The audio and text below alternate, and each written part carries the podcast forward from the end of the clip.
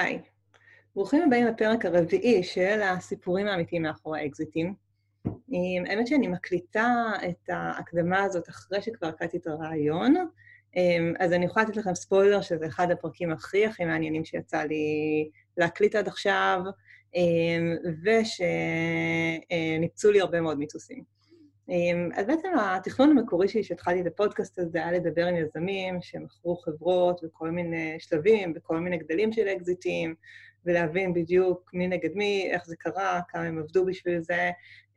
ואז אמרתי לעצמי, בואו נראיין גם את הצד השני, ונשמע ממי שאחראי בקורפורט על הרכישות, איך זה באמת קורה. ובשיחה הזאת ראיינתי את אירן רזניקוב, שהיא חלק מזרוע M&A בסיסקו, שנתנה פה שיתוף פתוח ומדהים על מה בדיוק הטריגר שגורם לחברה כמו סיסקו להסתכל על חברה מסוימת, לחשוב ברצינות לרכוש אותם, להציע הצעה, ושברה לי הרבה מאוד מיתוסים. כלומר, אני למדתי ברעיון הזה שזה לגמרי לגיטימי לחברה, לחברת סטארט-אפ לפנות לקורפרט ולהגיד, בואו נתחיל להכיר, כי יש מצב שתרצו לרכוש אותי מתישהו. לי תמיד היה בראש שזה סימן של חולשה, זה נשמע מוזר, זה אומר שאולי אנחנו נזקקים, ו... ופה אנחנו בעצם שומעים דעה אחרת לגמרי של יאללה, בואו תתחילו להכיר ולשים את עצמכם על הרדאר, וזה משחק מאוד ברור שבסדר לשחק בו. או מיתוסים על זה שזה בסדר לגמרי לעבוד עם בנקאים, זה קורה, זה הולך, זה מקדם עסקאות. זהו, נתחיל את הרעיון ותשמעו את שאר המיתוסים בעצמכם. אוקיי, היי. אז היום אנחנו עם אירן רזניקוב. האמת שזה הפרק הראשון שאני מקליטה לא עם יזמים, אלא דווקא עם מי שעומד בצד השני. זאת אומרת, אירן היום חלק מזרוע M&A בסיסקו, והיא תספר לנו יותר דווקא על הזווית של החברה הרוכשת. זהו, אני חושבת שככל שדיברתי יותר עם יזמים, אז מאוד עלתה לי כל הזמן השאלה, אז מתי בדיוק מגיעה ההצעה, מה גורם לזה, מי אחראי על זה בארגון, מאיפה זה נובע, אז אני אחפור על הנושאים האלה עוד מעט. זהו, וירן, בואי נתחיל קצת שתספרי לנו עלייך ועל הרקע שלך. יאללה. אני שמחה להיות הראשונה מהצד האפל, מקווה לא להיות האחרונה. תמיד צריך להבין את הצד האפל, זה מאוד חשוב. האמת שהצד האפל בדרך כלל זה ה-VCs, דווקא החברות הרוכשות, עד עכשיו לא חשבתי עליהן כצד אפל. האמת שאנחנו עושים גם השקעות וגם רכישות, אז אני עדיין מכניסה אותנו לתוך הקטגוריה הזאת. אבל בגדול הצטרפתי לסיסקו שנה שעברה.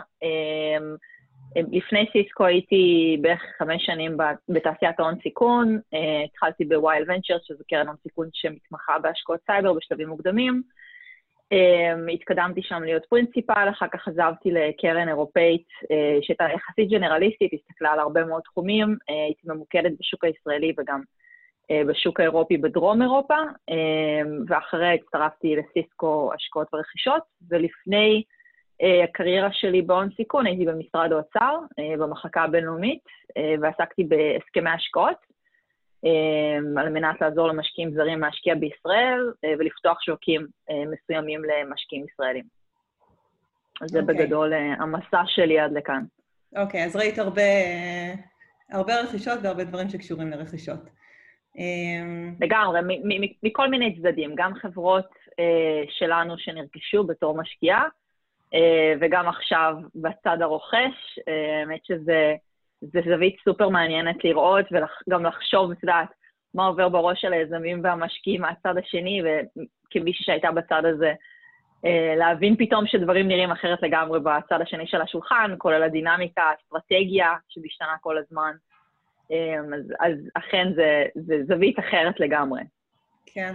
אז האמת שהנושא הראשון שאני אשמח שנתחיל לדבר עליו זה... אותי מאוד מעניין להבין מה הטריגר, כלומר, שמעתי מהרבה יזמים, באמת שזה גם קצת הסיפור שהיה לי בחברה הראשונה שלי שנרכשה, שהיה איזשהו קשר עם החברה הרוכשת, הם הכירו אותנו, או חברות אחרות, ויום אחד פתאום מגיע אימייל של, שבדרך כלל אומר בדרך ככה קצת ארצילאית, משהו של בואו נתחיל לדבר על, על רכישה. אז מעניין אותי, זאת אומרת, אצלכם, מתי עולה הדבר הזה? מתי אתם מחליטים לגשת לחברה? גם מעניין אותי גם קצת לשמוע בכלל על היעדים שלכם, זה מה שאתם צריכים, צריכים לרכוש, לא, אבל מה שכאילו לשמוע קצת את הסיפורים של מאחורי המייל הראשון הזה, מה, מה ההשתלשלות. אולי אני אתחיל קודם אה, בתיאור קצר של סיסקו, השקעות ורכישות, כי זה מסביר גם אה, חלק מהדינמיקה. אה, אז בעצם אנחנו יושבים תחת ה-CFO העולמי אה, בסן חוזה, קבוצה של בערך 55 איש, רוב הקבוצה יושבת בסן חוזה במטה, ויש אנשים שיושבים בעצם בגיאוגרפיות. האנשים שנמצאים בגיאוגרפיות מסתכלים על כל הדומיינים שמעניינים את סיסקו, זה יכול להיות Security, Enterprise Networking, Mass Scale Infrastructure, Collaboration, ברור שסיסקו היא שחקנית שמשחקת בהרבה מאוד תחומים, אז אנחנו חולשים על הרבה מאוד תחומים שגם יזמים ישראלים פועלים בהם. אה, ואנחנו אמונים גם על השקעות וגם על רכישות. בעצם אנחנו לא גוף שמנותק אה, מספינת האם ומסתכלים רק על, אה, על השקעות לצורך העניין, אנחנו אחראים על כל האסטרטגיה הלא אורגנית של החברה, שזה השקעות ורכישות ומכירה של נכסים קיימים. זה שם אותנו בפוזיציה שבה אנחנו הרבה פעמים רואים חברות בשלבים הכי מוקדמים שיש, עוקבים אחריהם, לפעמים רוצים להשתתף בסיבובים, לפעמים משתתפים בסיבובים האלה, עד לכדי אה, רכישה. אה, מה שמייצר עבורנו גם יכולת אה, אה, לייצר מערכת יחסים אינטימית הרבה פעמים עם חברות, ובעצם גם לעקוב אחריהן, בדיוק מה שאת אמרת, ולדעת באיזה, באיזה שלב הן נמצאות, וכשיש חיבור לאסטרטגיה הפנימית של סיסקו, לגשת לחברה הזאת ו, ולהתחיל איזשהו תהליך של, של M&A. אז, אז, אז קודם כל זה, זה, זה כבר איזשהו נדבך בתוך ה... בתוך המערכת היחסים הזאת שמיוצרת בין הרוכשת לבין החברה הנרכשת, הרבה פעמים זה מערכת יחסים שכבר קיימת. זה חשוב להגיד, וגם, ו- וכמו שאמרת, גם יש, יש, פה, יש פה גם אינטרס של היזמים שהחברה הרוכשת תכיר אותם באיזושהי צורה ובאיזשהו אופן. אנחנו נמצאים בפוזיציה ייחודית במובן הזה שהרבה פעמים אנחנו מדברים עם יזמים באמת על השקעה, אז, אז כבר אנחנו, כבר יש פה איזשהו אלמנט פרואקטיבי שמתרחש בין, ה, בין הזרוע ההשקעות והרכישות לבין החברה. הרבה פעמים אנחנו פונים לחברה ורוצים אה, להשקיע בסיבוב קיים, מתחיל איזושהי דינמיקה של סיבוב ומתחילה המערכת יחסים הזאת. אם אין מערכת יחסים כזאת והיזמים חושבים שסיסקו יכולה להיות רוכשת פוטנציאלית, אה, אין שום אה, מניעה להתחיל את המערכת יחסים הזאת מהצד של היזמים. האנשים שיושבים בגיאוגרפיות, בדרך כלל אנשים שהם מאוד פרואקטיביים, הם רוצים לדעת כל מה שקורה בגיאוגרפיה שלהם.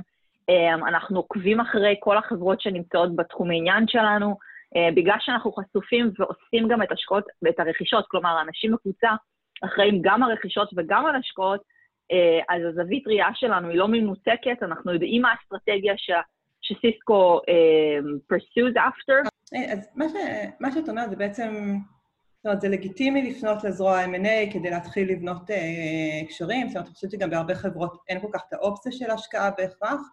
אה, אני מסתכלת על זה הרבה פעמים, זאת אומרת, מהנקודת מבט שלי, שזה, תמיד יש פחד שזה יצא פתטי. כלומר, יש, אה, יש מקום שאנחנו אומרים בעצם, אני לא יכולה עכשיו, אה, בוא נגיד ש... לא יודעת, גוגל היא אחלה רוכשת לאוריבי. אה, אני לא רוצה לבוא ולהגיד אני למכירה, כי זה אומר שכנראה משהו לא בסדר. אמ, גם אפילו לבנות את המערכת יחסים, זאת אומרת, זה נשמע... זאת אומרת, יש איזשהו מקום שמצפים שחברות תמיד יגידו, לא מעניין אותנו רכישה בכלל, ו...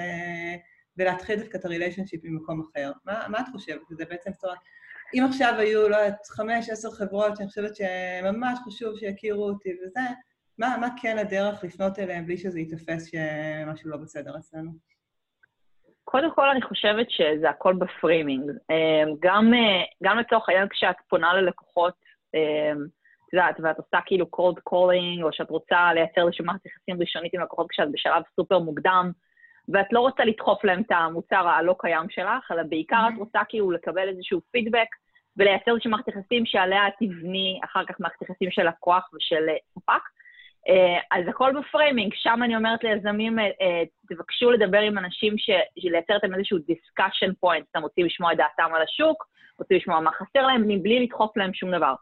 מבחינתי זו אותה דינמיקה גם עם, גם עם חברה רוכשת. בסוף כאילו יושבים שם אנשים בצד השני, הם אמונים על זה שהם ידעו מה קורה ב ecosystem, בתחום שהם רוצים לרכוש בו.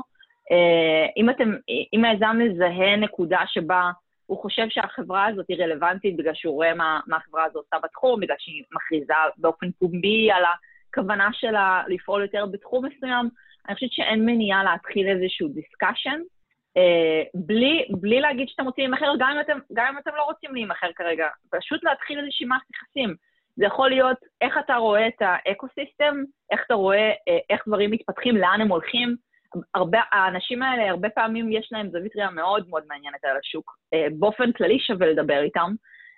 אז אני לא חושבת שיש מניעה לעשות את, ה, את המערכת היחסים ההתחלתית הזאת, ליצור את המערכת היחסים ההתחלתית הזאת, מבלי להכריז שום דבר, ו- ו- ושוב, ברגע שה framing נכון, just at the beginning of a discussion, לשמוע את דעתו או דעתה, מבלי אה, לדחוף לשום דבר, לייצר את המערכת היחסים הזו, לשמור, לשמור קשר עם האנשים האלה, לעדכן אותם על מה שקורה בחברה, אני לא רואה בזה שום דבר פתטי, כמו שאני לא רואה שום דבר פתטי בזה שתיגשו ל, אה, ללקוחות ראשונים ותנסו להבין, כשהם עדיין לא לקוחות, אלא לקוחות yeah. כן. פוטנציאליים, ומנסות להבין מה קורה אה, בשוק ומה יכול לעניין אותם, down the road.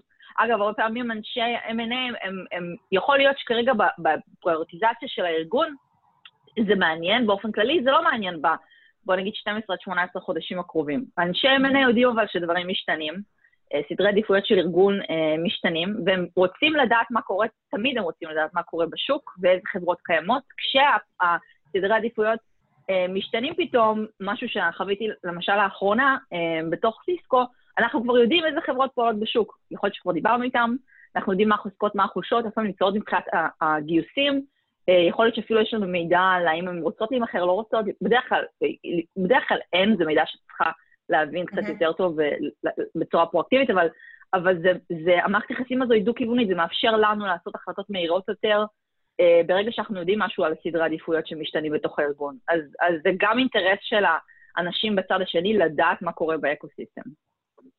אוקיי, והאמת שכאילו עלה לי תוך כדי ששאלתי אותך קצת, אה, די, זה נשמע פתטי, אסור להגיד דברים כאלה. אמ, באמת לשמוע גם איך זה נראה מהמקום שלכם, כי אני חושבת שיש המון דברים כזה בתעשייה שהם כזה do and don'ts, וחוקים כאלה שהם נורא ברורים לכולם, ולאף אחד לא ברור בדיוק מאיפה החוקים האלה מגיעים.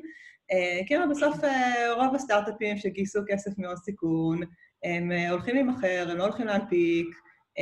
מאוד יכול להיות שיש שלב שסטארט-אפ אומר, אוקיי, אני בנקודה טובה למכירה, יש כבר traction, אנחנו מאוד מתאימים לזה, זה בדיוק הזמן המתאים לדיל של 100, 200, 300 מיליון.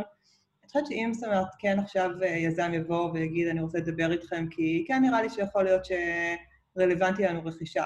זה ייתפס בעיניכם כמשהו שהוא מעיד על איזושהי בעייתיות, או כמשהו לגיטימי לגמרי? אה, קודם כל זה קורה לנו הרבה. אה, זה יכול, זה יכול, זה יכול לקרות כשמגיע היזם ואומר, קיבלתי הצעות רכישה, או, או קיבלתי inbound interest מחברות אחרות. הייתי רוצה גם להתחיל איזשהו תהליך עם סיסקו, הייתי רוצה להתחיל איזשהו תהליך עם סיסקו. זה סיפור לגיטימי לגמרי. אנחנו שמחים על, ה, על, על, ה, על הידע הזה, לדעת שחברה is on the market, בוא נגיד ככה, גם בצורה שהיא מכוונת, גם אם היא לא בצורה שמכוונת, ומתחילה איזושהי מערכת יחסים משם. Uh, קורה, זה לגמרי בדוז, אין, אין, אין שום בעיה עם זה. Uh, אנחנו כמובן ננסה להבין, כאילו, איפה החברה נמצאת, למה היא רוצה להימכר, למה היא רוצה דווקא להימכר לסיסקו, איפה הם רואים את ה-integration point, איפה הם, הם רואים את הסינרגיה, ברור, כל הדברים האלה ייכנסו לתוך התהליך. שוב, mm-hmm. זה בסוף, זה בסוף יתחיל, הנקודת התחלת um, במערכת יחסים הזו, או, או הש, מה, מה שיביא אותנו לשלב הבא, זה איפה זה נופל בסדרי עדיפויות של הארגון. זה השיחה הראשונה שאנחנו נעשה פנימית. Um, במקביל להאם זה נכס שאנחנו חושבים שהוא נכס טוב. עכשיו, זה יכול להיות, את יודעת, אה, אנחנו רוצים ספציפית לקנות בתחום הזה חברה של, אה, הרכישה שהיא second talent, בעצם רכישה יחסית קטנה, רוצים את האנשים, אה, רואים איך הם משתלבים בפיתוח של מוצר מסוים, חושבים שהטכנולוגיה שהם פיתחו עד עכשיו יוכל לשמש אותנו לאקסלרציה של מוצר מסוים, או שזה יכול להיות רכישה של פלטפורמה, אנחנו חושבים שאנחנו יכולים להיכנס אה, לשוק בגלל הרכישה הזאת, אה, אה, לקנות במרכאות את, את הלקוחות הקיימים של החברה, זה מאוד תלוי במוטיבציה, ואז, את יודעת, השיחה תיראה אחרת, וגם הסוג הנכסים שנחפש יהיו אחרים. כן. אז, אז זה דברים שבדרך כלל חברות, הם, כמובן שהן לא חשופות אליהם, זה לא משהו שאנחנו מדברים עליו באופן פומבי, בטח שלא כחברה פומבית. אמ, אז, אז זה דברים שיזמים פשוט לא, לא, בדרך כלל לא יודעים. אמ, אז בכל מקרה, אם אתה, אם יזם חושב שסיסקו היא הרוכשת הנכונה עבורו, אמ, הוא קיבל הצעות נוספות, וגם אם הוא לא קיבל הצעות נוספות, הוא מתחיל לחשוב על מסלול רכישה, אני שוב, חושבת שהדבר הכי טוב הוא להתחיל את המערכת יחסים הזאת. אה, כנראה, רוב הסיכויים, הרוכשת לא תגיד, את יודעת, אמ, אנחנו מעדיפים לקנות second talent בתחום, או שאנחנו מעדיפים חברה גדולה יותר שתענה לצרכים שלנו. ברור שלא, גם, גם אנחנו לא רוצים לסגור דלתות, כי יכול להיות שנתחיל איזשהו תהליך עם חברה, אה, אנחנו חושבים על לקנות פלטפורמה, בסוף התהליך הזה לא יצלח ממגוון רחב של סיבות, ובסוף נלך על second talent. או שנבין שאנחנו מעדיפים לקנות second talent, אנחנו נחזור לשוק, נסתכל על החברה הזו שדיברנו איתה לפני חצי שנה. אז זו מערכת יחסים ששווה פשוט להתחיל לשמר, את לא יודעת לאן היא תוביל אותך, באמת. כבר, כבר ראיתי דברים כאלה של, את יודעת, חברה שחודשיים לפני זה לא היה בסדר עדיפויות שלנו, דברים השתנו פנימית, בסוף רכשנו את החברה. אמ, אז, בגלל זה יש פה איזושהי ראייה של כזה טווח ארוך, שגם היזמים צריכים להתרגל אליה, וגם אנשי הרכישות אה, רגילים אליה. ולכן כאילו כל השיח הוא טיפה שונה משיח עם, אה, נגיד, עם משקיעים. אמ, את יודעת, משקיע עושה, עושה לך decline, רוב הסיכויים שלא תראי אותו בסיבוב הבא. תלוי, תלוי כמובן, תלוי כמובן במה ה decline הזה כרוך, מה עומד מאחוריו. אצל אנשי M&A זה אחרת.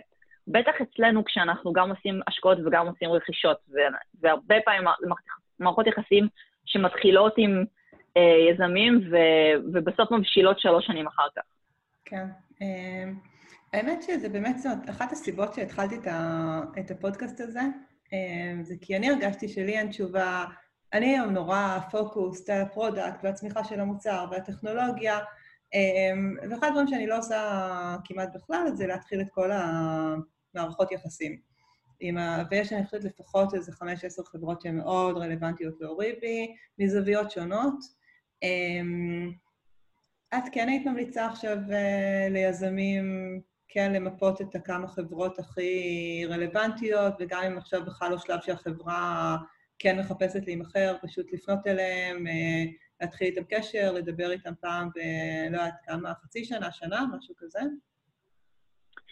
תראי, זה ממש ממש תלוי, כי אני לא רוצה להגיד ליזמים שהם, את יודעת, מפוקסים על ה roadmap שלהם, שהם צריכים עכשיו... Uh, להסיט תשומת לב שהיא סופר קריטית עבורם, אה, עבור דברים שהם לאו דווקא יראו כאילו את הפירות שלהם אה, מהר. זאת, הצעה שאני לא, לא רוצה לעמוד מאחוריה. מה שאני כן רוצה להגיד, כמה דברים. אחד, leverage your advisors and your investors, אין ספק בכלל. הרבה פעמים. כן, בטח תגידי על זה קצת, כן. אז הרבה פעמים אה, המערכת היחסים הזו מתחילה עם המשקיעים שנמצאים על הבורד mm-hmm. של החברות, וכמובן שהיזמים נכנסים ללופ באיזשהו שלב, אה, אבל הרבה פעמים המשקיעים עושים את העבודה הראשונה הזאת, ה-ground work. אוקיי, בוא תספרי לנו יותר, כלומר, לך יוצא להיפגש הרבה פעמים עם משקיעים בכללי, בקשר לחברה ספציפית, מה קורה משם, מה...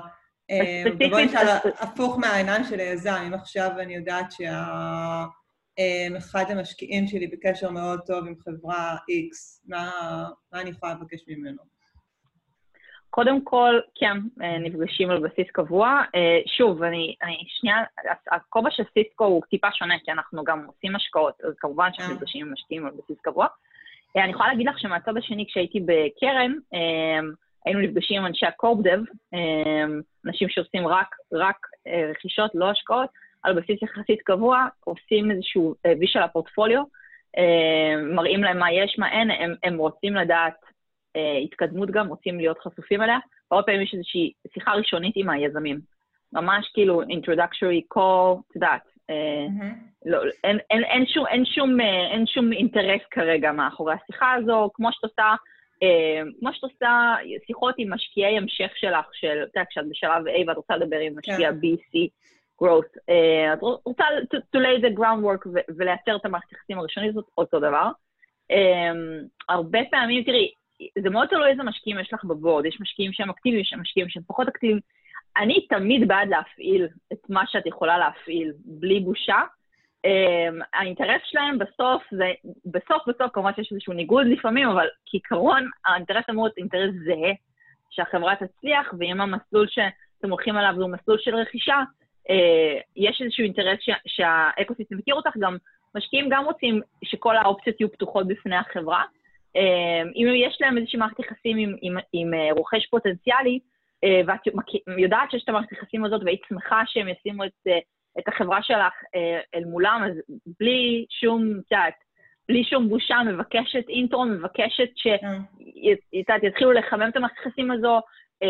משקיעים כבר עושים את זה, משקיעים, את יודעת, מייצרים, מייצרים שיחות כאלה שבהם הם מראים את הפרוטפוליו שלהם ומראים את, ה, את, יודעת, את ההתקדמות של החברות, זה כבר, ככל הנראה זה כבר קורה.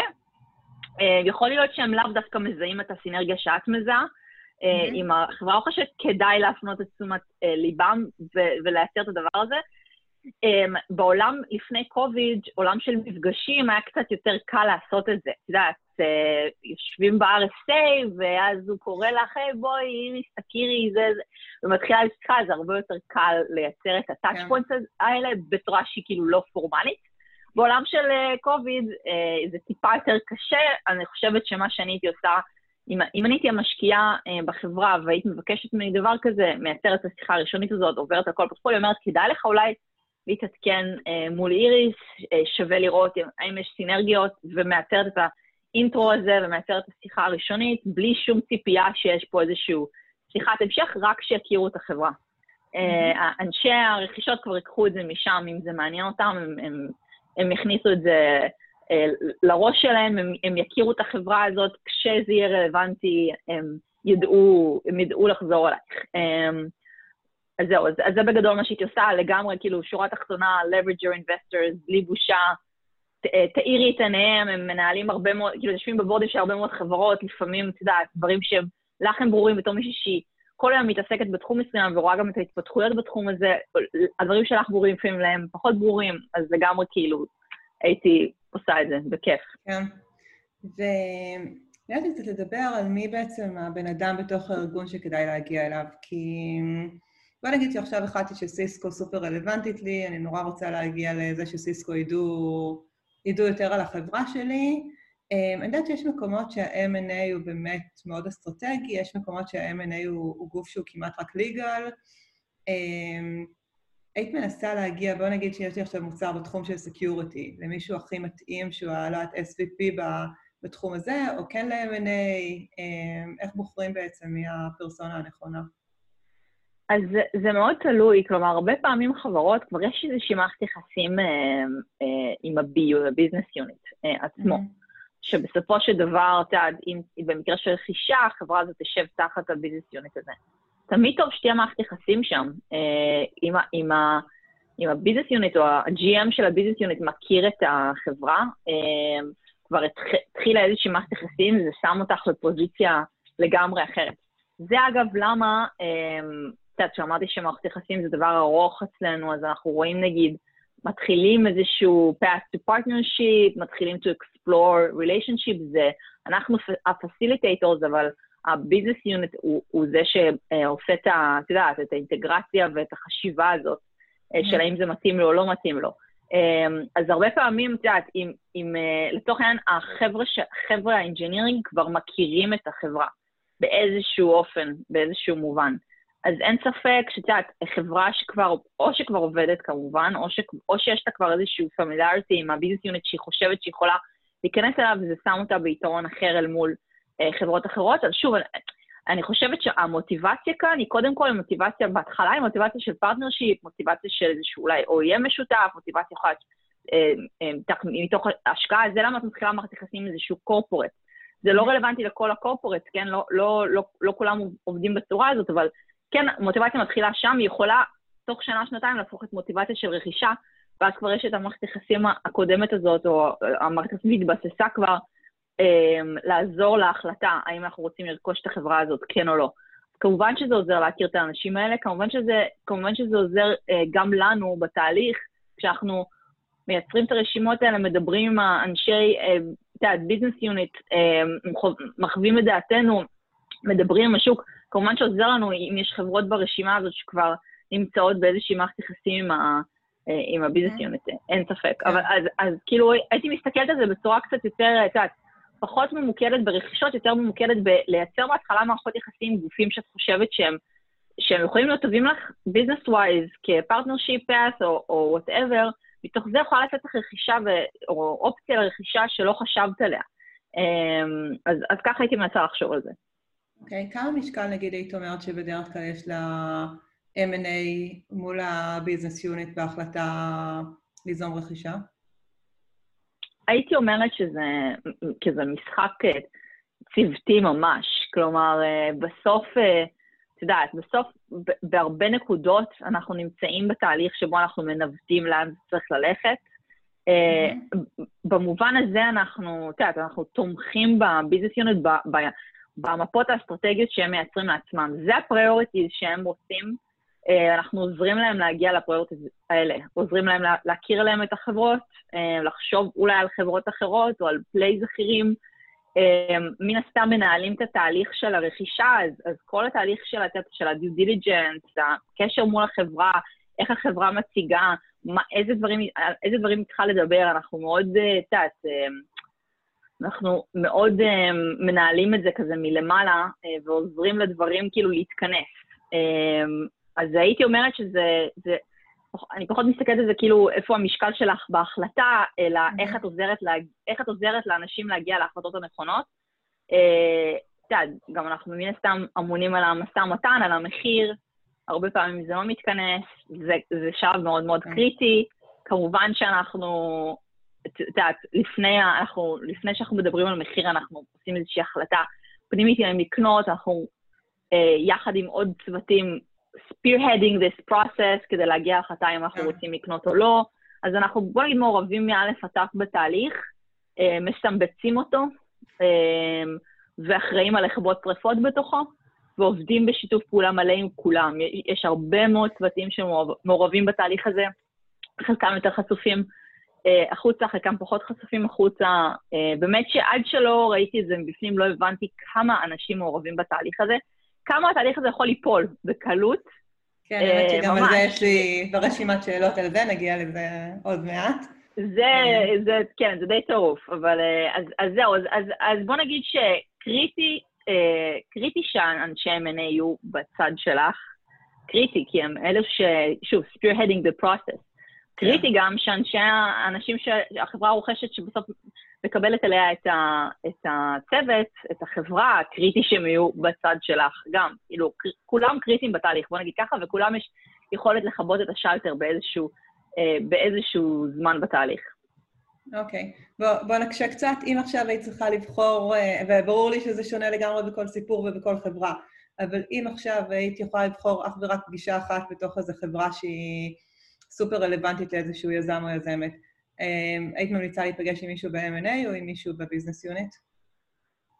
בהקשר לרכישה? כאילו, אנחנו כן. רוצים להירכש, אנחנו רוצים להיפגש עם מישהו? Um, זה מאוד, קודם כל זה מאוד תלוי מי, תלוי מי ב engineering. אם זה עם ה-GM, הייתי הולכת להיפגש עם ה-GM, okay. אוקיי, שיכיר אותי. Uh, okay. אין ספק בכלל. Uh, כן, בתוך M&A, שוב, אנחנו בסוף facilitators. Um, אז uh, אז זה קריטי שנכיר אתכם, אבל בסוף מי שתשבו תחתיו זה ה-GM. אמ, אז זו פגישה שהיא, שהיא מאוד חשובה, והיא, והיא תקרה, אגב, אם, אם יתחילו איזשהו, תתחיל איזשהו תהליך של אה, רכישה. כן. כמה באמת ה-M&A, לדעתך, ברוב המקרים מבינים לעומק את, ה... את הצורך הטכני? זאת אומרת, בוא נגיד שעכשיו מגיעה לכם חברה שהיא תוקפת בזווית מאוד מסוימת, משהו טכנולוגי, ו... אני לא יודעת אם כאילו בהכרח ב-M&A יש לכם באמת הכלים להעריך שזה בדיוק הנקודה שעכשיו תחסוך אה, אה, שלוש, אה, שלוש שנים של פיתוח בדיוויז'ן מסוים. במקרים כאלה אתם בדרך כלל, טוב, מנסים לקבל החלטה בעצמכם או מעבירים את זה לאנשים אחרים בתוך הארגון? שוב, שוב, מה השאלה? השאלה היא בעצם איך אתם מזהים, אה, זאת אומרת, הרבה פעמים כדי להבין את הפוטנציאל של הרכישה צריך להיות מאוד מאוד טכניים. ולהבין למה. בדיוק הפתרון הזה מאוד רלוונטי, באיזה כן. תסריט, כלומר, הרי לא כן. הגיוני שאת מכירה בסיסקו את כל הכלים לעומק בדיוק מה הם צריכים עכשיו. אז זה, זה יותר mm-hmm. משהו שפשוט יש לכם איזה roadmap ואיזה אזורים שאת יודעת שהם אזורים מעניינים ובאזורים האלה נכנסים יותר לעומק, או שלפי התחושת בטן, אם כן נראה לך משהו מעניין, תדעי איך אה, לקחת את זה עכשיו יותר בתוך ה-engineering ולבחון את זה. אז ספציפית אנחנו עובדים עם ה business unit. אמ, אנשי, אנשי הגיאוגרפיות עובדים עם כל, ה, כל ה domains, עם כל ה business unit. אמ, בסן חוזה יושבים אנשים שעובדים עם דומיין ספציפי. כשאני מתחילה לדבר עם איזושהי חברה, אז קודם כל אני, אני כבר חשופה למה שקורה ב business unit באיזושהי מידה. אה, גם מאוד תלוי, למשל, אני, אני יחסית קרובה ל business unit של security, עשיתי עסקאות security, אני יותר חשופה לחשיבה האסטרטגית שלהם. אה, אז, אז לאנשי ה-M&A בדרך כלל, אצלנו לפחות, יש, יש כבר איזושהי ראייה אה, על מה, מה קורה מבחינת הרולדמפ, מה מעניין אותנו מבחינת פרוורטיזציה. אה, כמובן שאנחנו, את יודעת, כל תהליך כזה מלווה בצוות הנכון בביזנס יוניט מההתחלה. אנחנו חייבים, חייבים לערב אותם כדי להבין האם זה רלוונטי או לא רלוונטי, כמה זה בפריורטיזציה. מקבלים איזשהו אינבאונד אה, מחברה אה, ורוצים לדעת האם זה רלוונטי או לא. יש מקרים שאני יודעת ישר להגיד לך אם זה רלוונטי או לא, ולהתחיל איזשהו תהליך פנימי.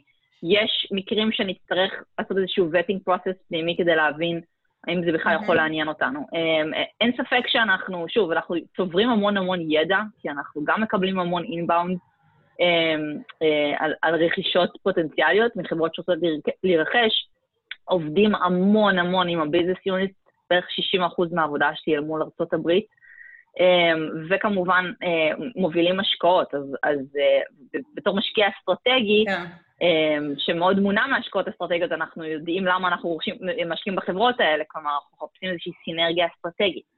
אמ, אז, אז יש לנו את החשיפה הזאת כבר. אז, אז הייתי אומרת ששוב, אה, הם מעורבים בתהליך מההתחלה, הרבה פעמים אנשי ה-M&A יש להם מוקד ידע יחסית חזק בתוך החברה. שוב, לא בכל חברה זה עובד ככה. אצלנו אנחנו מוקד ידע יחסית חזק, uh, אבל הם, אנשי ה business unit וה engineering הם מעורבים uh, יחסית מההתחלה אם אנחנו מתחילים איזשהו תהליך.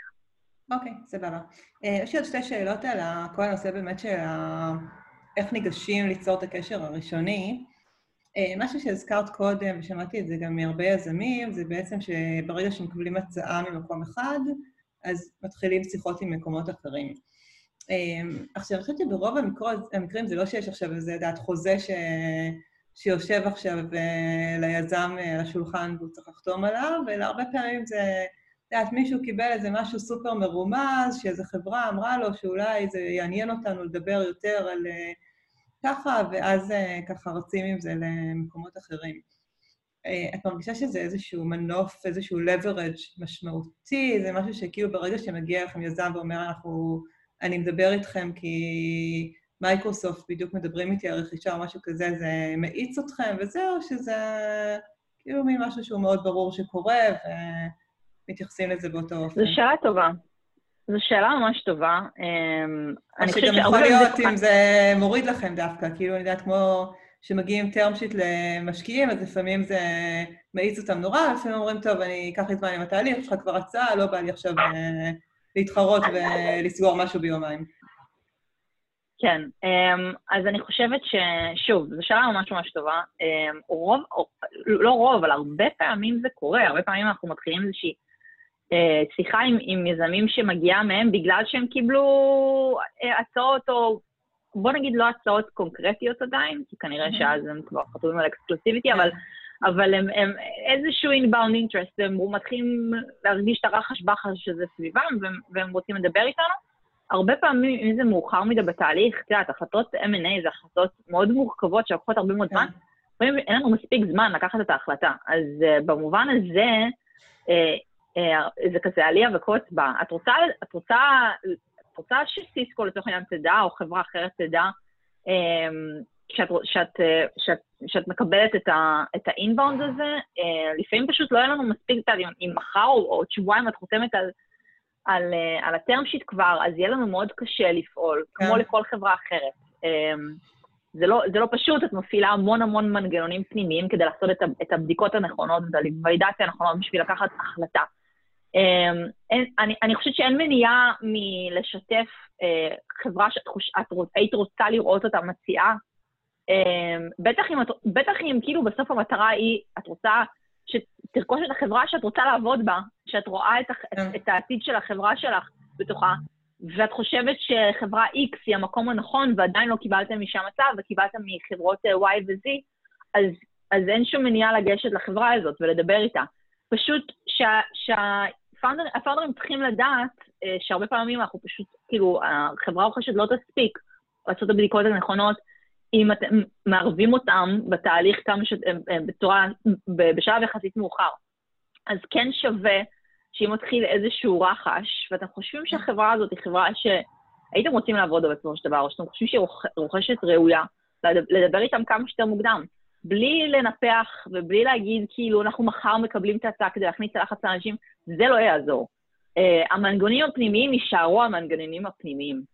כן. Uh, בכל מקרה, אני צריך לעשות את כל הבדיקות הנכונות. אז להלחיץ את החברה הרוכשת לא יעזור, להיות כנים ולהגיד, יש רחש בינינו, ואנחנו צופים ש... מן הסתם אנשים לא יודעים, אבל בגדול צופים שדברים יתפתחו בחודש הקרוב, והיינו שמחים לשמוע אם זה רלוונטי, אין ספק ש... שכדאי לעשות את זה. אוקיי, okay, מעולה.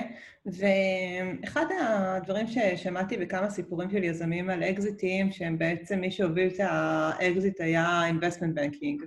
כלומר, היה איזה banker שהוא זה שפנה לחברות הרוכשות. מעניין אותי איך זה נראה מהצד שלכם. כלומר, אם עכשיו מגיע לך איזשהו banker ואומר, יש לי חברה נהדרת בתחום ה security, זה סבבה, זה פחות טוב. קורה המון, קורה המון.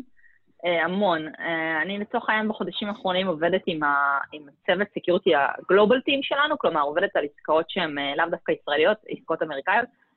כמעט כל יום אנחנו מקבלים אה, אה, מיילים מבנקאים. יש בנקאים שאנחנו כבר עובדים איתם, את יודעת, יש מערכת יחסים יחסית אה, טובה שהתבססה, הם הביאו לנו עסקאות מעניינות בעבר.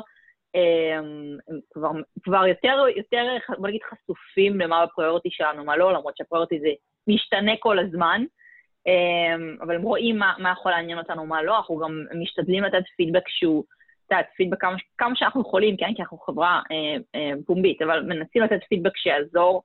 אה, אבל, אבל אין ספק, זו מערכת יחסים שהיא לגיטימית לגמרי, מתרחשת כל הזמן. הרבה פעמים החברות רוכשות בנקאים, שוב, הם, הם, הם facilitators מהצד שלהם, הם מייצרים את הקשר הראשוני הזה, הרבה פעמים יש להם נטוורק מאוד מאוד חזק, שוב, תלוי איזה, תלוי איזה בנקאי, אבל הרבה פעמים יש להם נטוורק חזק, שווה להשתמש בו, ואז באיזשהו, באיזשהו שלב הזרקור עובר חזרה ליזמים, אבל הם, הם, הם מנהלים עבורכם okay, את התהליך. זאת אומרת שזה משהו שהוא, שהוא לגמרי לגיטימי, לגיטימי ועובד, וזה מעלה סימני שאלה של למה החברה מנסה להימכר, למה בכלל הבנקר מדבר איתנו, או ש...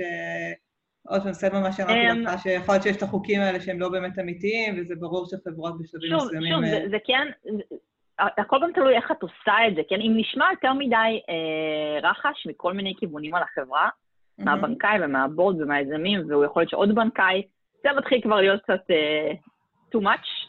אמ, קצת turn off, אבל, אמ, אבל, אבל אני חושבת ששוב, השאלה הראשונה שתשאל את עצמנו, נשאל את עצמנו שתי שאלות. אחד, איפה זה פוגש אותי ב priorities שלי, האסטרטגיים. אה, שתיים, האם זה נכס טוב? אה, ואם שני הדברים האלה are converging, נתחיל איזושהי בדיקה פנימית אה, יותר עמוקה. אז, אז, אז זה לא, זה לאו דווקא זה למה למה הם פונים אליי. כי זה בסדר, אנחנו אנשי M&A רגילים ל, ל, ל, ל, לדינמיקה הזאת, ושוב, זה מאוד תלוי, יש פה אלמנטים של turn off, מאוד תלוי איך אנשים עושים את זה, הם דוחפים, אם אנחנו חושבים על זה יותר מדי, מכל מיני צדדים. אנחנו אפשר לראות אם זה נכס שהוא, את יודעת, אה, מתקשה, או נכס ש, שהולך לו ממש ממש טוב, ואני מדברת רגע בשפת ה-M&A, כן? כי אנחנו פה מדברים כן, כן. בשפת ה-asset. אמ, אם זאת חברה ש, שאנחנו יודעים, ש, או שאנחנו רואים שהיא מתקשה, או חברה שהולך לה ממש טוב, היא קיבלה עכשיו אינבאונד והיא חושבת על להימכר, אה, בסוף זה לא יהיה כאילו, האם הם לא רוצים להימכר והם אה, מקבלים אינבאוד אז הם יותר אטרקטיביים, אם רוצים להימכר אז הם פחות אטרקטיביים. בסוף זה שתי שאלות שאנחנו צריכים לענות עליהן, איפה זה פוגש אותי בפריוריטי, זה אם אני חושבת שזה נכס טוב, למה שאני רוצה, כן? וזה צריך להיפגש אה, באמצע. אה, אז זה הדברים שבתכלס מעניינים אותנו. Okay. אוקיי. תראי, זו דינמיקה של אנשים גם, את גם מדברת עם יזמים או בנקאים, את, את חשה עם את מדברת, ו... איזה סט מוטיבציות מוביל אותם, למה הם רוצים להיכנות על ידי אה, החברה שלך, אז אה, את גם יכולה להבין מה קורה קצת יותר מאחורי הקלעים, בדרך כלל מחוברת למשקיעים, לאקוסיסטם הרחב, שומעת דברים, אז אה, זה לא מגיע כן. מאיזשהו ריק. Mm-hmm. אם עכשיו נגיד היית מנכ"לית של חברה, בוא נגיד בשלבים באמצע נגיד, לא יודעת, 50 איש, הולך לכם סבבה, קיבלת הצעה, התחלה של גישושים לאיזו הצעת רכישה, את רוצה לבדוק עוד אופציות, היית עובדת עם, עם, עם בנקר, או שהיית עושה בעצמך את המגעים? זו שאלה טובה, אני חושבת שקודם כל צריך לדבר על זה עם הבורד, mm-hmm. ואחד לחשוב אם, אם, אם שווה אה, להתחיל לעשות על זה איזשהו סייקלים, אם שווה להתחיל לעשות איזשהו בדיקות, ומי מי, מי, מי זה שאחראי לעשות את זה. Uh, הרבה פעמים יכול להיות ששוב, בנקודה הזו הבורד יעזור uh, בכישורים או בגישושים עם הנטוורק שלהם, uh, וינסה להבין האם יש עניין מעוד רוכשות פוטנציאלית, ואז יתחיל, ואז תתחילו איזשהו תהליך רשמי, ואז אולי שווה לקחת uh, בנקאי, את יודעת. Uh, הייתי מתחילה קודם כל בשיחה עם, ה, עם הבורד שלי, להבין גם את האליינמנט, mm-hmm. להבין איזה, איזה טווח הייתי רוצה. אתה יודע, גם אם זו שיחה שהיא בשלב הראשון מאוד מאוד ראשונית ותיאורטית, האם הם, אם הם יעמדו מאחוריי, uh, מה יהיה הטווח שאנחנו נרצה לבקש. Uh, אז, אז, אז מה שרציתי להגיד זה שהייתי לוקחת את זה ל board, קודם כל מנסה להבין מה ה appetite, טווח, מתחילה איזשהו תהליך תיאורטי כזה, פרופיל של רוכשים, מנסה להפעיל אותם לגבי גישושים אה, באקוסיסטם בצורה שהיא מאוד כאילו, את יודעת, אינטימית ולא, שום דבר לא רשמי, אה, ואז מתחילה, אם אני כבר רואה שיש איזשהו עניין ואליימנט מתחילה לייצר איזשהו פייפלן יותר רציני, חושבת על לקחת בנקאי, אין מניעה לעשות את זה. אה, כן. גישושים, אוקיי. גישושים תמיד יש. סבבה. אה, אני רוצה לחזור קצת לתחילת השיחה. באמת מעניין אותי, בוא נגיד שעכשיו יש חברה, סבבה, אתם כבר שנתיים מכירים אותם, גדלים יפה, מה, מה שרשרת אירועים שמובילה לזה שאתם אומרים, יאללה, בוא, בוא נתחיל לראות אם אנחנו, בוא נתחיל מגעים איתם לרכישה? זה יכול, באמת, זה יכול להתפתח בכל כך, מכל כך הרבה זוויות. אמ, אני יכולה להגיד, אה, הייתי חשופה לא מזמן לתהליך אה, M&A, אה, לא משנה של איזושהי חברה, ו... והתהליך התחיל מזה שהשתנה משהו בפרטיזציה שלנו. התחלנו להסתכל בצורה שהיא מאוד אקטיבית על תחום מסוים, היה לנו ברור שאנחנו רוצים לעשות השקעה, רכישה, סליחה, של חברה מסוג מסוים, בעלת פרופיל מסוים, כך וכך עובדים, אמ, מוטיב... המוטיבציה הפנימית שלנו הייתה כזו וכזו, כלומר המוטיבציה יכולה להיות לצורך העניין אקסלרציה למוצר מסוים, או מוטיבציה יכולה להיות להיכנס לשוק מסוים, היה לנו די ברור, כל הפרמטרים היו מסודרים בצורה מאוד ברורה, לפעמים זה קורה, לפעמים זה לוקח זמן להבשיל, לפעמים פתאום יש לך איזשהו כזה, אוקיי, אנחנו יודעים מה אנחנו רוצים, א', ב', ג', ד', הרבה פעמים זה מגיע גם uh, מה-GM עצמו, mm-hmm. הם עשו איזושהי עבודה על אסטרטגיה פנימית, uh, זיהו את הפרופיל של החברות שהם רוצים אה, לקנות, כמובן אנחנו עוזרים להם בתהליך הזה. ואנחנו יוצאים לשוק, חברה שהכרנו אה, בעבר ענתה בצורה מושלם על כל הפרמטרים, והתהליך היה מאוד, אה, האמת שזה היה כאילו מאוד כזה, זה converge together, הם, הם שקלו אה, ללכת על מסלול של אה, רכישה, אנחנו אה, פגשנו אותם בשלב הכי נכון עבורם, אנחנו בדיוק התחלנו לחשוב על, על כיוון של רכישה בתחום הזה, וזה באופן כזה שוב, פלאי הסתדר כן. ו- והלך למסלול הנכון. השרשרת אירועים התחילה בזה שפנימית אה, היה איזשהו shift ב priority, shift יחסית מהיר, אה, חד ו- ו- ומדויק. אה, והדיוק הזה והעובדה שידענו מה קורה באקוסיסטם, הכרנו חברות בתחום, בכל העולם הסתכלנו על חברות בכל העולם בתחום הזה, הכרנו את כולן, הכרנו את הפרופיל שלהן, ידענו לזהות את האסטס הכי נכונים לנו ולפעול יחסית מהר. אמ, אני יכולה להגיד לך, הייתי חשופה לעוד תהליך לא מזמן, אה, שהתנהל אחרת לגמרי, זה התחיל מפנייה של החברה mm-hmm. לתוך סיסקו, זה פתח איזושהי שרשרת אה, פנימית של האמת שזה יכול לעניין אותנו, האמת שזה נמצא בתוך, ה, בתוך הרשימת prioritization שלנו, התחיל איזושהי בדיקה פנימית ש, שדרכה עשינו scanning של האקוסיסטם לעוד אה, נכסים, כמובן שזה מה שקורה, את צריכה להכיר את כל הנכסים הקיימים כדי לדעת קצת מה את רוצה בסוף לרכוש. Mm-hmm. אז כלומר, הפנייה יצרה את השרשרת. אה, וזה כמובן חייב להסתדר בסוף עם priority של מישהו באיזשהו business unit, כן? קרה... אבל דווקא מצחיק שהפנייה כאילו הזיזה את הדברים קדימה. כן.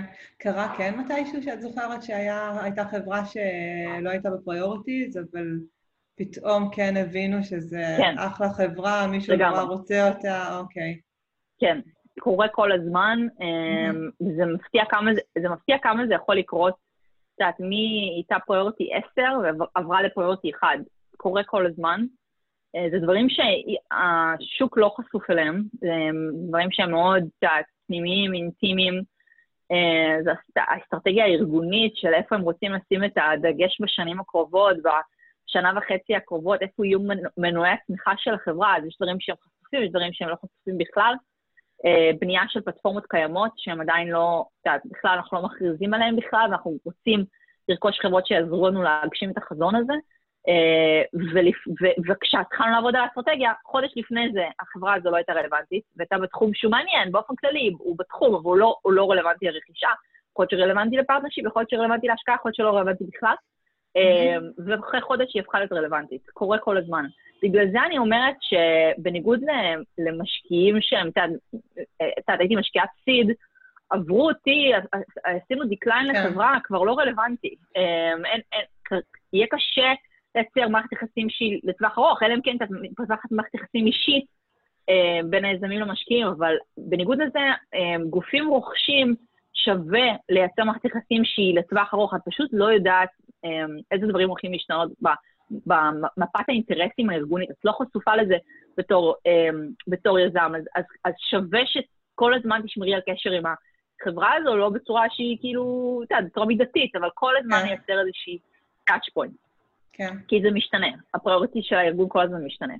כן. גם, אתה נכנס פתאום GM חדש, מגיע עם האסטרטגיה משלו, זה משפיע באופן ישיר על האסטרטגיה הלא אורגנית של ההשקעות, הרכישות וה partnership. והנה, מעניין אותי גם לשמוע איך אתם נמדדים. כלומר, אני אשים בצד את הזרוע של ההשקעות, אבל הזרוע של ה-M&A.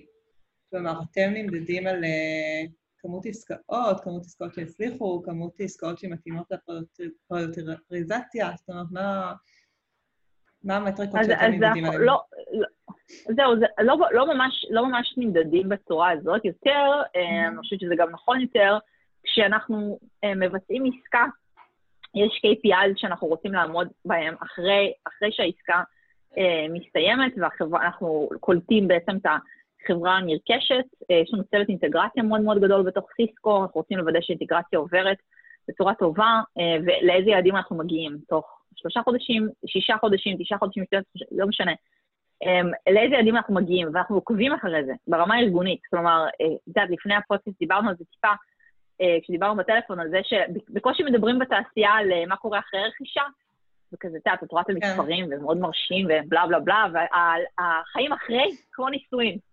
החיים אחרי אף אחד לא מדבר עליהם, שווה כן. לדבר עליהם, אמ, ואני חושבת ששוב, אה, אמ, אה, מאוד מאוד חשוב, ולנו כחברה זה מאוד חשוב, אני מניחה שזה קורה גם בחברות אה, רוכשות אחרות, לייצר KPI ולעקוב אחרי ה-KPI האלה אחרי שהחברה נרכשת, ובסוף כאילו, הארגון הקולט אחראי אה, להגיע ל-KPIs האלה. התפקיד שלנו זה לייצר KPIs הגיוניים ולעזור, אני מתכוונת אנחנו, ה-corporate development team, um, לעזור להם להגיע ל-corporate development and M&A team, לעזור להם להגיע ל-KPIs הנכונים שהם ימדדו את עצמם uh, על פיהם. מאוד, זה מאוד חשוב, ויש על זה מעקב אחרי הרכישה, uh, שאנחנו מגיעים לשם, ואם אנחנו לא מגיעים לשם, למה אנחנו לא מגיעים לשם? אמ, וזה לגמרי משהו שכאילו, אני, אני, אני מניחה שקורה בחברות אחרות, ואם לא, צריך לקרות בחברות אחרות. אז גם הרבה פעמים שומעים שרכישות נכשלות, אמ, לצערנו. כן, האמת שזה מדהים כמה יש המון אקזיטים שנחשבים ככה מאבני היסוד של ההייטק הישראלי, וכל מיני דברים הכי נוצצים, נכון. ושומעים אחר כך שלא יודעת, שנה אחר כך הרגו את כל הפעילות, או כל לגמרי. מיני אקזיטים של מאות מיליונים או יותר, שהחברה הרוכשת כנראה לא ראתה משם דולר אחד אף פעם. אה, כן, זה נכון. נושא שהוא כמעט לא מדובר. עושים המון עבודה לפני הרכישה, אה, לפחות מה שאני חשופה אצלנו, אני לא יודעת מה קורה בחברות אחרות, אבל אה, אצלנו עושים המון המון עבודה של למדל את הדברים האלה בצורה הכי, הכי קרובה למציאות שאפשר, זה קשה, כן? אבל כן. המון המון שיחות, ולא, not to blow, blow up anything, באמת. עשיתי עבודה מאוד מדוקדקת ורצינית על זה, שמערבת המון המון צוותים כדי להבין מה יכול להיות ה-value בצורה שהיא לא אופטימית מדי. Uh, כמובן שלפעמים דברים כאלה פשוט לא קורה בשטח, לפעמים הפריוריטי של הארגון עצמו uh, משתנה, אחרי כמה חודשים או אחרי שנה. אז זה מן הסתם גם ישפיע על מידת ההצלחה. מה שחשוב לזכור, שבסוף את קולטת אנשים, והאנשים האלה ישתלבו בתוך הארגון, כן? אז הם יעבדו על פרויקטים אחרים. אז גם, גם פה, גם הכישלון צריך להסתכל עליו בצורה הוליסטית.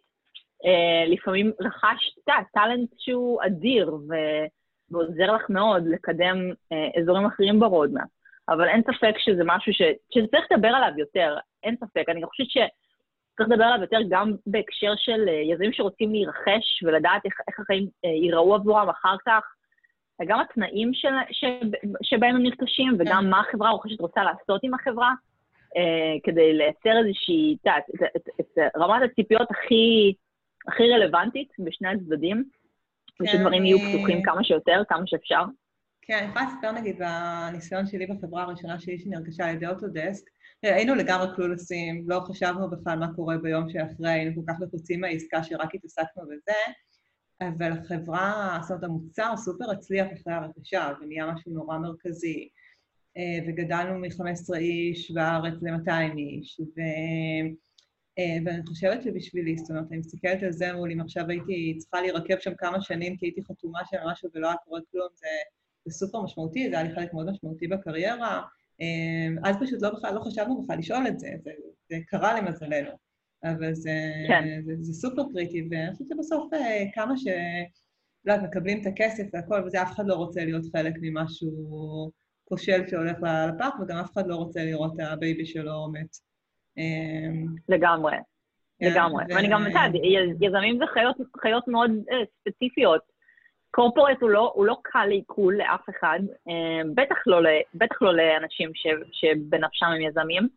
Uh, אז זה דברים ששווה לבדוק אותם, באמת. Uh, שווה גם להבין מה התרבות של הארגון הקולט, שווה לדבר עם חברות ש, שנרכשו כבר לפעמים, לפעמים דברים נורא, דברים משתנים ותרבות ארגונית משתנה, אבל שווה לנסות ו- ו- ולהבין לאן אתה נכנס אה, ואיך זה הולך להיראות, לעשות שיחות מאוד מאוד כנות אה, עם הצוות.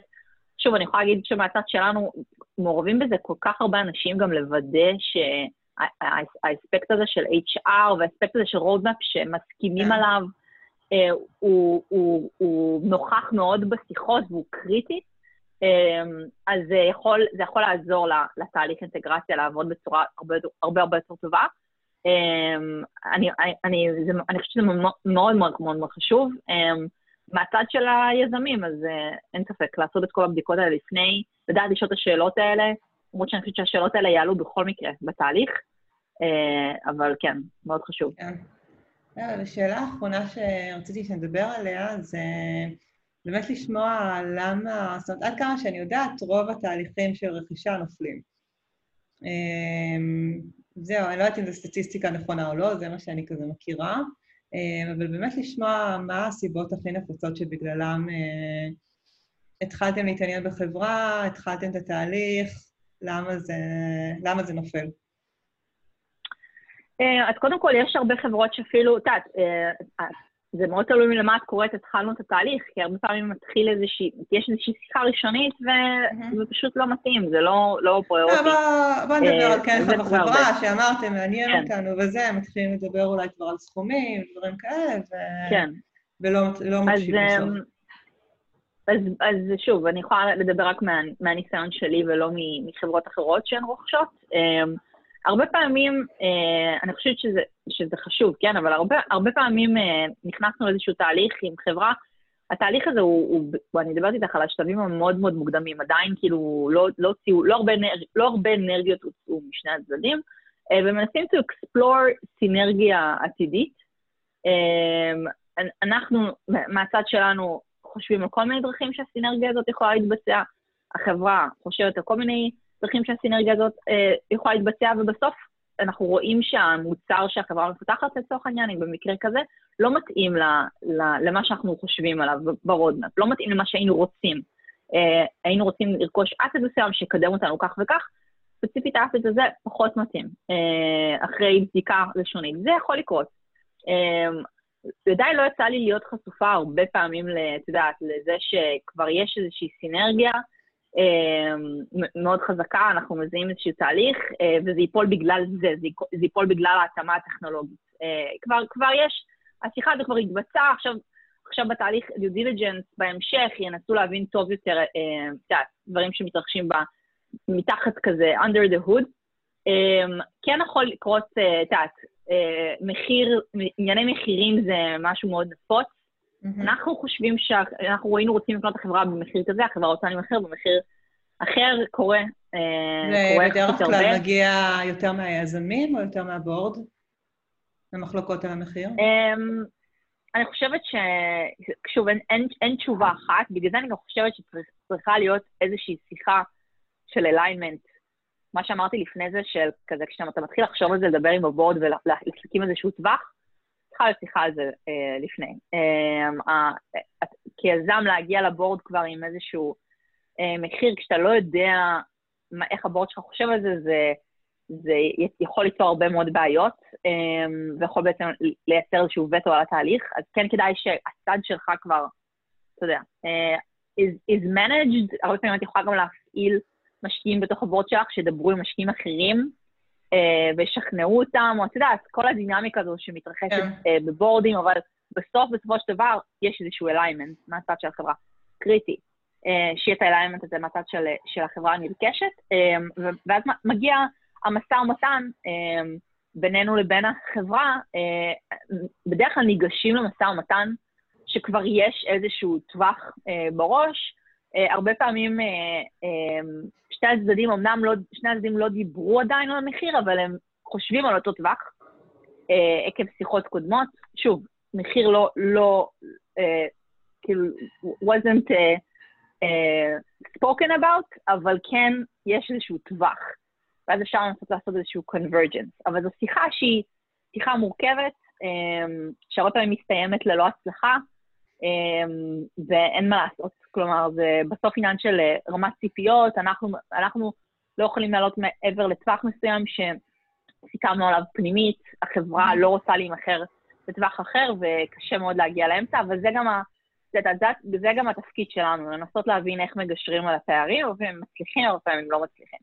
אז הייתי אומרת שקודם כל סיבה נפוצה היא סיבת הסינרגיה, mm-hmm. והבנה שזה לא בדיוק מה, ש... לא בדיוק מה שמתאים לנו לרודמאפ, למה שאנחנו רוצים, אה, ומעדיפים להסתכל על אסטים אחרים, או מעדיפים, אה, את יודעת, מעדיפים להסתכל על, על, על פרופיל של אסטים אחרים, ומהצד השני, שוב, גם מחיר, ענייני מחיר יכולים להיות שואו סטופר לתהליך. כן, אוקיי. Uh, בסדר, טוב, אנחנו לקראת סוף הזמן. האמת שזה היה, מאוד מאוד מעניין, אני חושבת ש... זאת אומרת, הסיבה שמאוד רציתי להיכנס ככה לנושא הזה יותר לעומק, כי אני חושבת שכמעט תמיד מדברים על ה product, על הטכנולוגיה, על, ה...